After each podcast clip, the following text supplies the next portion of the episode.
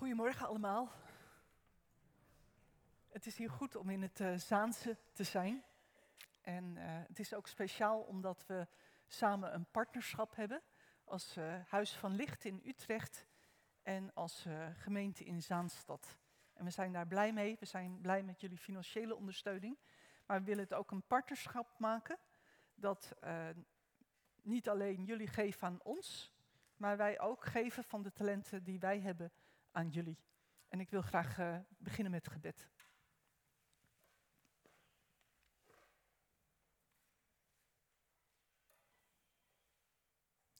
Vader in hemel, we danken u voor uw Heilige Geest. We danken u dat uw Heilige Geest in ons midden mag werken. Heer, dat u de God bent die met ons is. En dat het is door het offer van Jezus. En we zijn daar zo dankbaar voor. En willen bidden dat ons hart echt mag opengaan voor u. Dat u ons hart mag opengaan voor datgene wat gedeeld wordt, ook uh, door Mirjam zo direct. Dat ons hart mag opengaan voor uw woord. En dat we u meer mogen leren kennen, meer mogen liefhebben, meer mogen begrijpen. Heer, wilt u zo in ons midden zijn. In Jezus' naam. Amen. Nou, Mirjam, die uh, is deel van onze gemeente. Jullie kennen haar ook, want ze is uh, vorig jaar hier ook geweest met Story of a Migrant. Ze heeft een prachtige stem, maar ze zal nu uh, een getuigenis geven.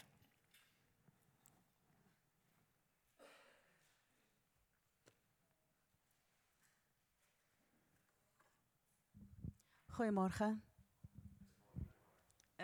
ik praat niet helemaal goed Nederlands, maar ik probeer om te leren. Ik, ik uh, hoop dat uh, mij ook begrijpen.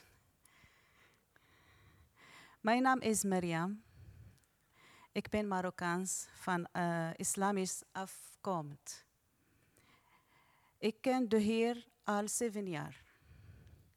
Ik heb mijn getuigenis al met jullie gegeven en vandaag wil ik jullie mijn getuigenis geven over de manier waarop de Heer mij heeft uitgekozen om te dienen in onze kerk in Utrecht, in andere kerk. Ik, uh, ik droomde dat ik op de weg liep. In een groot groep, groep mensen ontmoeten, vrouwen en mannen en kinderen die aan het eten waren. En ik uh, vroeg hem wat jullie hier doen. Ze vertelden me dat we vasten in de Ramadan en dat ze allemaal eten. Ik liet ze achter en ging verder en vond de weg gesloten. Ik ging terug en vond ze nog steeds aan het eten. En ze gaven me kip en rijst, dus ik at en uh, vervolgde mijn weg. Toen ik terugkwam, vond ik in bloed, in uh, visdienen, in uh, moeite en angst. En toen vond ik een groot deur, de deur van de kerk, en waarop Mirjam in papier schrijft daar. Mirjam stond die verantwoordelijk was voor het openen wat de deur van de deur. Ik was verbaasd en zie tegen mezelf dat ik in Nederland uh, moet zoeken om uh, me meer uit te leggen. Omdat ik uh, dit papier schrijf in Nederlandse taal. En ik, en ik vond een Nederlander dit ik ken.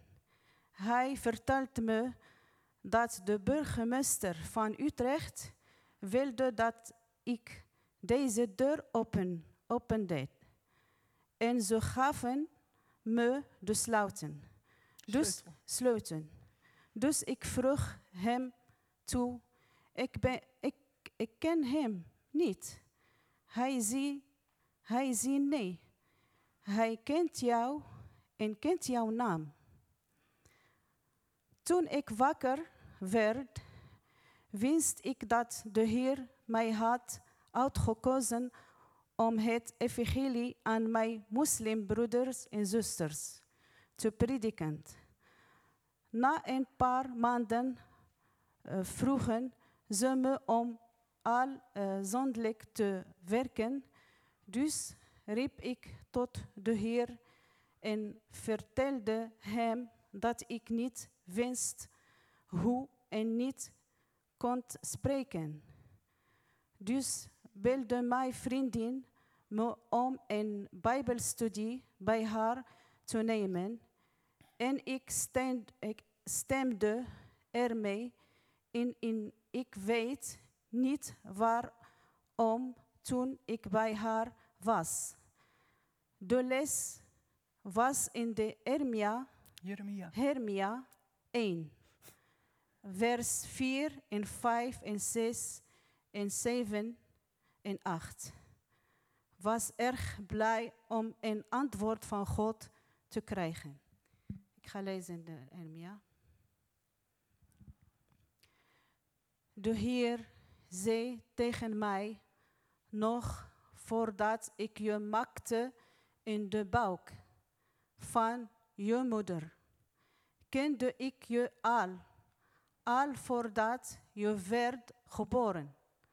Gaf ik jou je taak toen, al was ik van plan om jou, om je, om jou tot mijn profeet, voor de volken te maken. Maar ik antwoordde, Heer, dat kan ik helemaal niet. Ik ben veel te jong. Maar de Heer zei, zeg niet dat je te jong bent.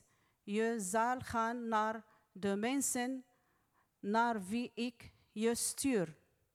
Je zal tegen hen als zeggen wat ik jou zeg. Wees niet bang voor hen, eh, want ik ben bij jou. Ik zal je altijd redden. Dankjewel. God zegen jullie. Ja.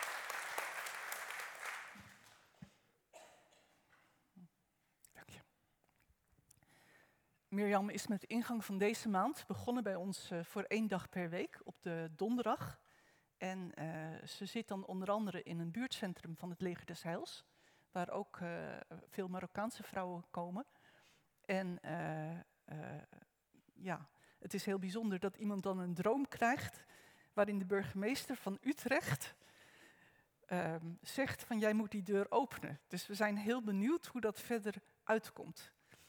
Een punt van gebed is dat wij zijn uitgegaan in onze begroting van een subsidie van de PKN. Want die hebben een subsidie voor pioniersfondsen. En uh, daarvoor geven ze dan de mogelijkheid van 8000 euro per jaar voor drie jaar. En we hebben alle plannen ingeleverd. Dat is een heel gedoe geweest. Maar we hebben op dit moment nog niet de bevestiging.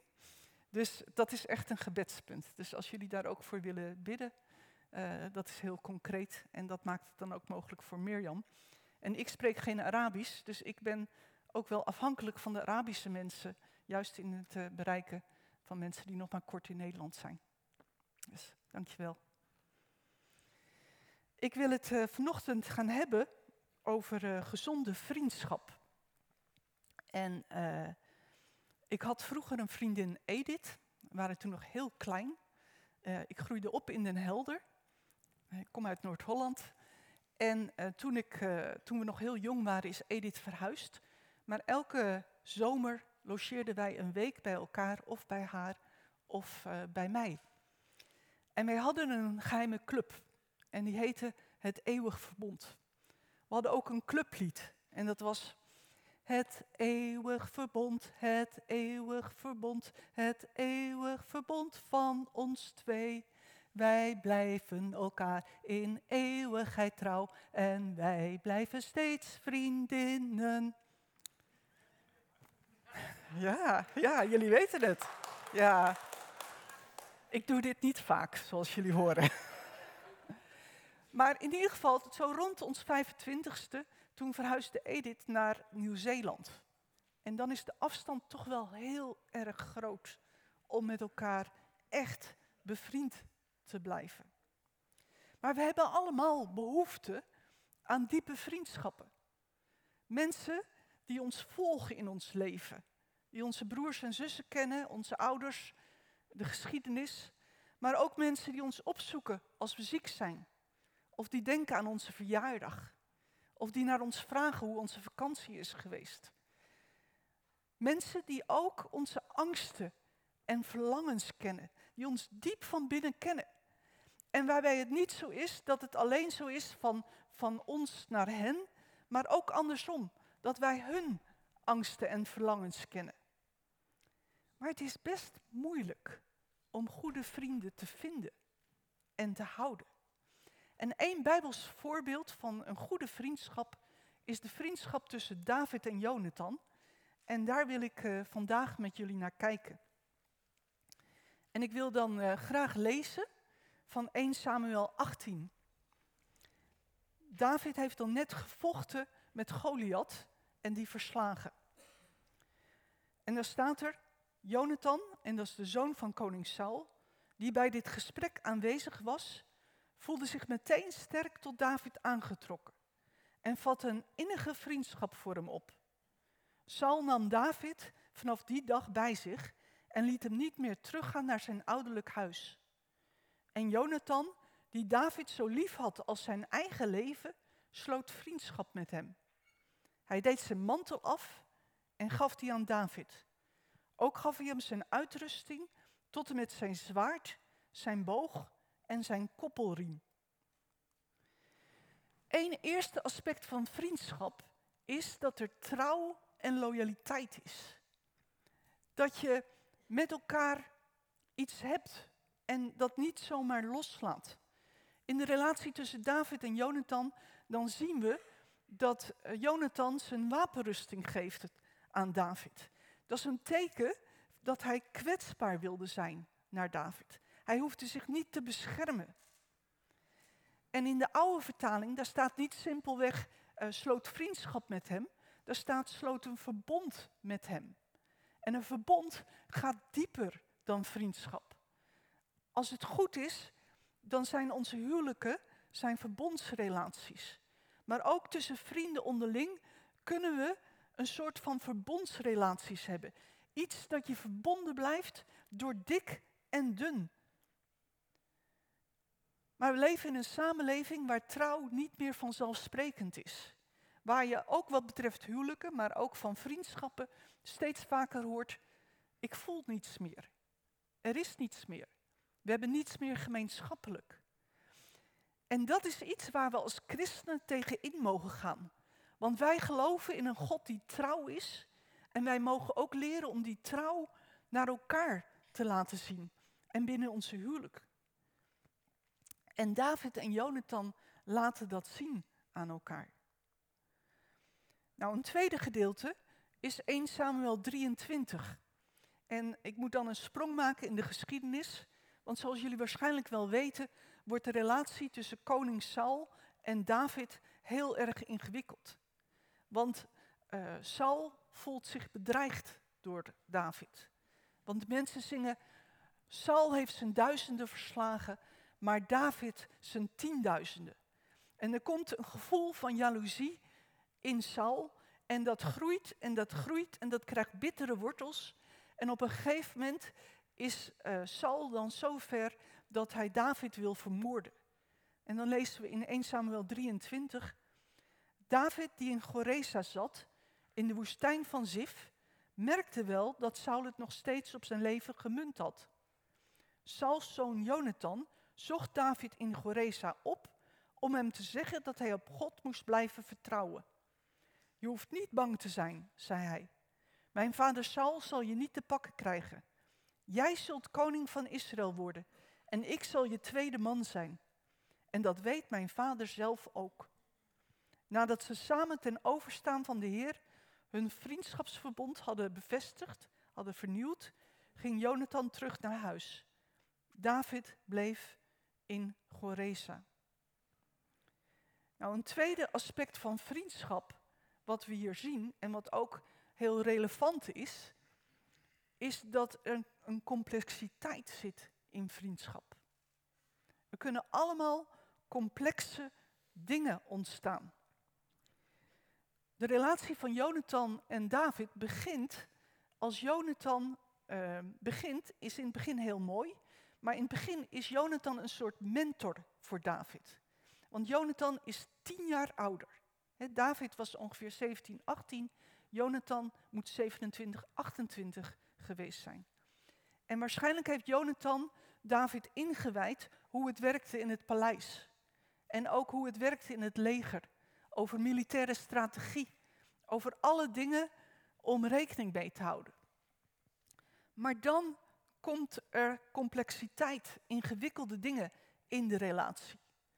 Want Jonathan is de zoon van zijn vader, koning Saul, en heeft een loyaliteit als zoon naar vader.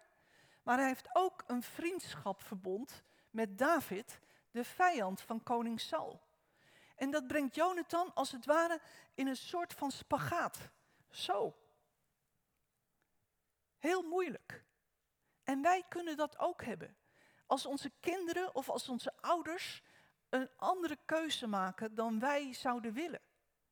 als je kind besluit om niet meer naar de kerk te gaan. Moeilijk. Of als je ouder besluit om te scheiden. Ontzettend moeilijk. En toch lukt het David en Jonathan om in verbinding te blijven.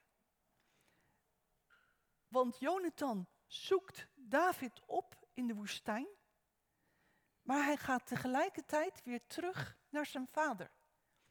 En in beide relaties lukt het om als het ware toch respect te houden en ook een vorm van verbinding. En wij kunnen daarvan leren, ook als gemeente. Hoe was het, erger was het niet met de coronacrisis. van de ene zegt van we moeten helemaal geen kerk meer, de ander zegt we moeten juist wel kerk hebben. En je staat lijnrecht tegenover elkaar. Lukt het dan om in verbinding te blijven? Of je hebt verschillende politieke keuzes, verschillende ideeën over van alles en nog wat. Lukt het als gemeente om toch verbinding te blijven houden en met respect naar elkaar te blijven praten? Met respect met elkaar te blijven praten. Het derde aspect is de bereidheid om ruimte te maken voor de ander. Want echte vriendschap betekent dat je gunnend bent naar de ander. Dat je het de beste wil naar de ander. En dat zien we bij Jonathan. Jonathan onderkent dat God op een speciale manier in het leven van David aan het werk is. En dat het David is die de volgende koning moet worden. Niet Jonathan zelf. Hij was de troonopvolger. En toch zegt hij, jij zult koning worden en ik zal de tweede man zijn. En mijn vader Saul weet dat ook. Jonathan was heel ruimhartig naar David. Hij, hij volgde wat God aan het doen was. En echte vriendschap maakt actief ruimte voor de ander. Een goed voorbeeld voor mijzelf is, uh, van, ik ben getrouwd met Arthur. En in veel opzichten is Arthur mijn beste vriend op deze, in deze wereld. En wij waren nog in de zending. En toen wij begonnen aan de zending, was er ook afgesproken dat we allebei actief zouden worden. Maar met name in Amerika, dat is toch behoorlijk mangericht. En uh, was daar vaak helemaal geen plek voor mij. En toen werd Arthur op een gegeven moment gevraagd om op een predikantenconferentie van een bepaalde uh, district, om daar te gaan spreken. En we hadden een gesprek met de landelijk voorzitter. En ik zie ons nog zitten aan de lunch, aan tafel. En die landelijk voorzitter legt uit van nou, hè, van je mag twee keer spreken. Uh, de ene keer gaat het over dit en de volgende keer een onderwerp naar keuze. En toen zei Arthur, hij zegt de naam van die landelijk voorzitter. En hij zegt, ik wil, ik wil graag één keer spreken en ik wil graag dat Annemarie de tweede keer spreekt. Nou, dat was die Amerikaan niet gewend, dus hij moest even slikken, zo van... En uh, hij keek ons allebei aan en toen had hij iets van, oké, goed, dan, dan doen we het zo. En het werd een hele goede dag.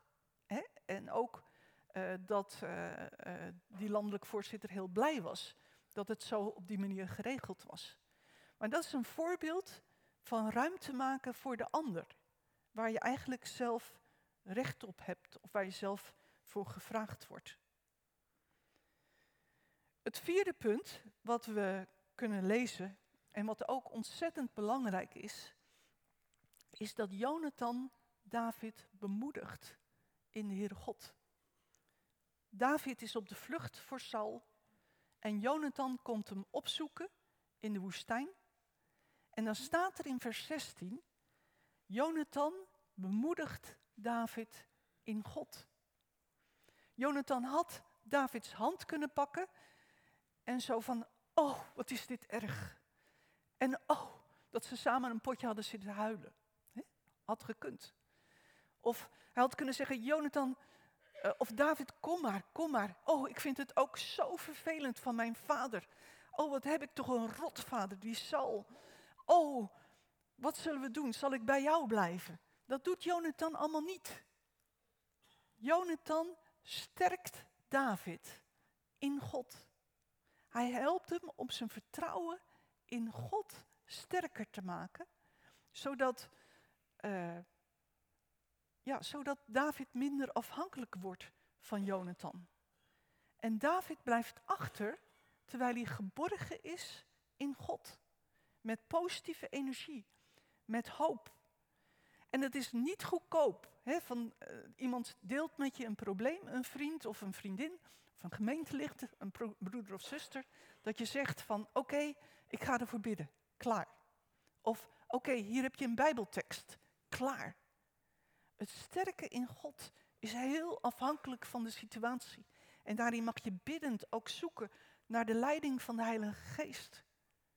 Maar het is wel heel noodzakelijk in een goede vriendschap. En we zien dat ook in het leven van David. Want de volgende keer dat David ernstig in de problemen komt, dan is er geen Jonathan om hem te sterken. Dan is er geen Jonathan om hem advies te geven, om hem te troosten, om hem te helpen. Wat er gebeurt is dat David met zijn mannen op een veldtocht is. En ze komen thuis. En dan komen ze thuis en het hele dorp Ziklag, dat was in het gebied van de Filistijnen, maar dat hele dorp is platgebrand door de Amalekieten. En alle vrouwen en kinderen zijn meegenomen. Een vreselijke ramp. En alle mannen moeten, moeten huilen, moeten brullen. Iedereen uit zijn emoties op een hele heftige manier. En ook David doet mee, want ook zijn twee vrouwen zijn weggenomen. Maar dan slaat de stemming heel plotseling om. Want eerst huilen ze en dat alle tranen als het ware eruit zijn. En dan komt boosheid naar boven. De situatie escaleert. En de soldaten keren zich tegen David. Want hij was verantwoordelijk dat de stad Ziklag, dat die onbeschermd is achtergelaten. Hij had moeten zorgen dat daar soldaten waren voor bescherming. En nu waren alleen de vrouwen en kinderen op zichzelf. En die waren heel kwetsbaar. Dus hij krijgt de schuld. En het is een hele grote leiderschapscrisis, waar hij ook alleen in staat. En ze zijn bereid om hem te stenigen. En dan staat er in vers 6 van 1 Samuel 30. David kreeg het zwaar te verduren, want zijn mannen waren zo verbitterd over het verlies van hun kinderen, dat ze hem dreigden te stenigen. Daarom zocht hij steun bij de Heer zijn God. Dat is de moderne vertaling. Maar uh, de herziene statenvertaling heeft dus, David sterkte zich in de Heere zijn God. Nou, wat zou er nou gebeurd zijn wanneer David niet geleerd had om zichzelf te sterken in God? Om te afhankelijk te blijven van Jonathan, zijn mentor, zijn trooster, zijn raadgever. Zijn hele leven zou op een lager plan gebleven zijn. Hij zou niet de koning van Israël geworden zijn die hij uiteindelijk geworden is. Hij zou ook niet alle psalmen geschreven hebben die uh, gaan over zijn eigen relatie met God. En het bijzondere is, er staat David sterkte zichzelf in de Here, zijn God. En daarna lezen we niets meer over stenigen. Want David had rust gevonden in zichzelf, in God. En hij en de mannen volgen hem dan weer. En dan gaan ze op zoek naar die vrouwen en kinderen en ze vinden ze weer en het gaat allemaal goed. Maar het geheim is dat David zich had leren sterken in de Heere, zijn God, zijn verbondsgod. En als we denken aan gezonde vriendschappen, dan heb je dus dat we aan de ene kant een diepe trouw en loyaliteit naar elkaar mogen ontwikkelen. Ook als gemeente. Maar aan de andere kant mag er ook een gezonde afstand zijn. Dat de ander en dat we elkaar ruimte geven en helpen om meer afhankelijk te worden in onze relatie met God. Dat God onze belangrijkste raadgever is. Dat God onze belangrijkste steun is. Dat God degene is die ons helpt door dik en dun. En dat dat de basis ook is voor de loyaliteit en de trouw en de complexiteit die we kunnen hebben in vriendschappelijke relaties. Hoe gaan wij om met vriendschappen? Maken wij mensen afhankelijk van ons, van onze raad, van ons gebed, van ons advies? Of helpen we mensen om zelfstandig te worden in hun relatie met God, om geestelijk volwassen te worden? Mag God ons helpen dat we goede vrienden worden, dat we goede vrienden zijn, waarin we loyaal zijn naar de ander, maar waarin we ook een diepe uh, verlangen hebben dat de ander op eigen benen leert staan en zelf keuzes eh, leert uh, maken om zelf volwassen te worden in God. Amen. Zullen we samen bidden?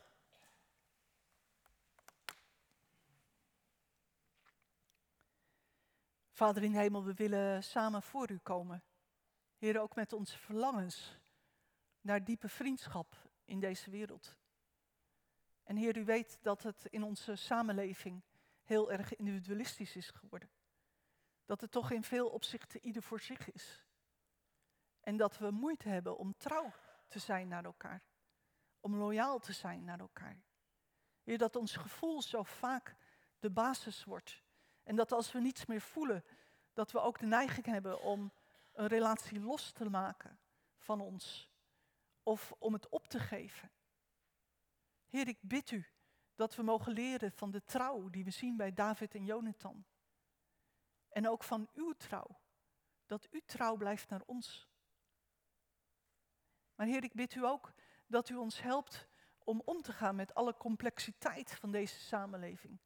De moeite om elkaar te respecteren als je verschillende keuzes maakt. Maar ook de moeite om als gemeente een weg te vinden. En Heer, daarin wil ik ook bidden voor de vergadering na afloop van de dienst. Wilt u daarbij zijn? En wilt u een weg tonen, een weg ten leven? Een weg naar dat de gemeente een volgende stap mag maken qua geestelijke volwassenheid. Heer, waarin respect en waardigheid en liefde naar elkaar en openheid de basis vormen. Heer, wilt u daarbij zijn? En Heer, zo willen we ook bidden dat u ons helpt om zelf ons te sterken in de Heere God. Ook als we teleurgesteld zijn. Ook als we moeite hebben. Ook als mensen ons niet geven wat we wel zouden willen. En Heer, het overkomt ons allemaal. Heer, maar dank u wel dat u vergeving ook wilt schenken door het kruis van Christus. Dat we vergeven mogen de mensen die ons pijn gedaan hebben, die ons teleurgesteld hebben. Maar ook dat we vergeving mogen vragen naar mensen die wij tekort hebben gedaan. Heer, wilt u ons in die zin ook moedig maken. Dat we een open leven mogen leiden naar elkaar. En dat uw goedheid, uw zegen, uw trouw de basis mag zijn. We bidden dat in Jezus' naam. Amen.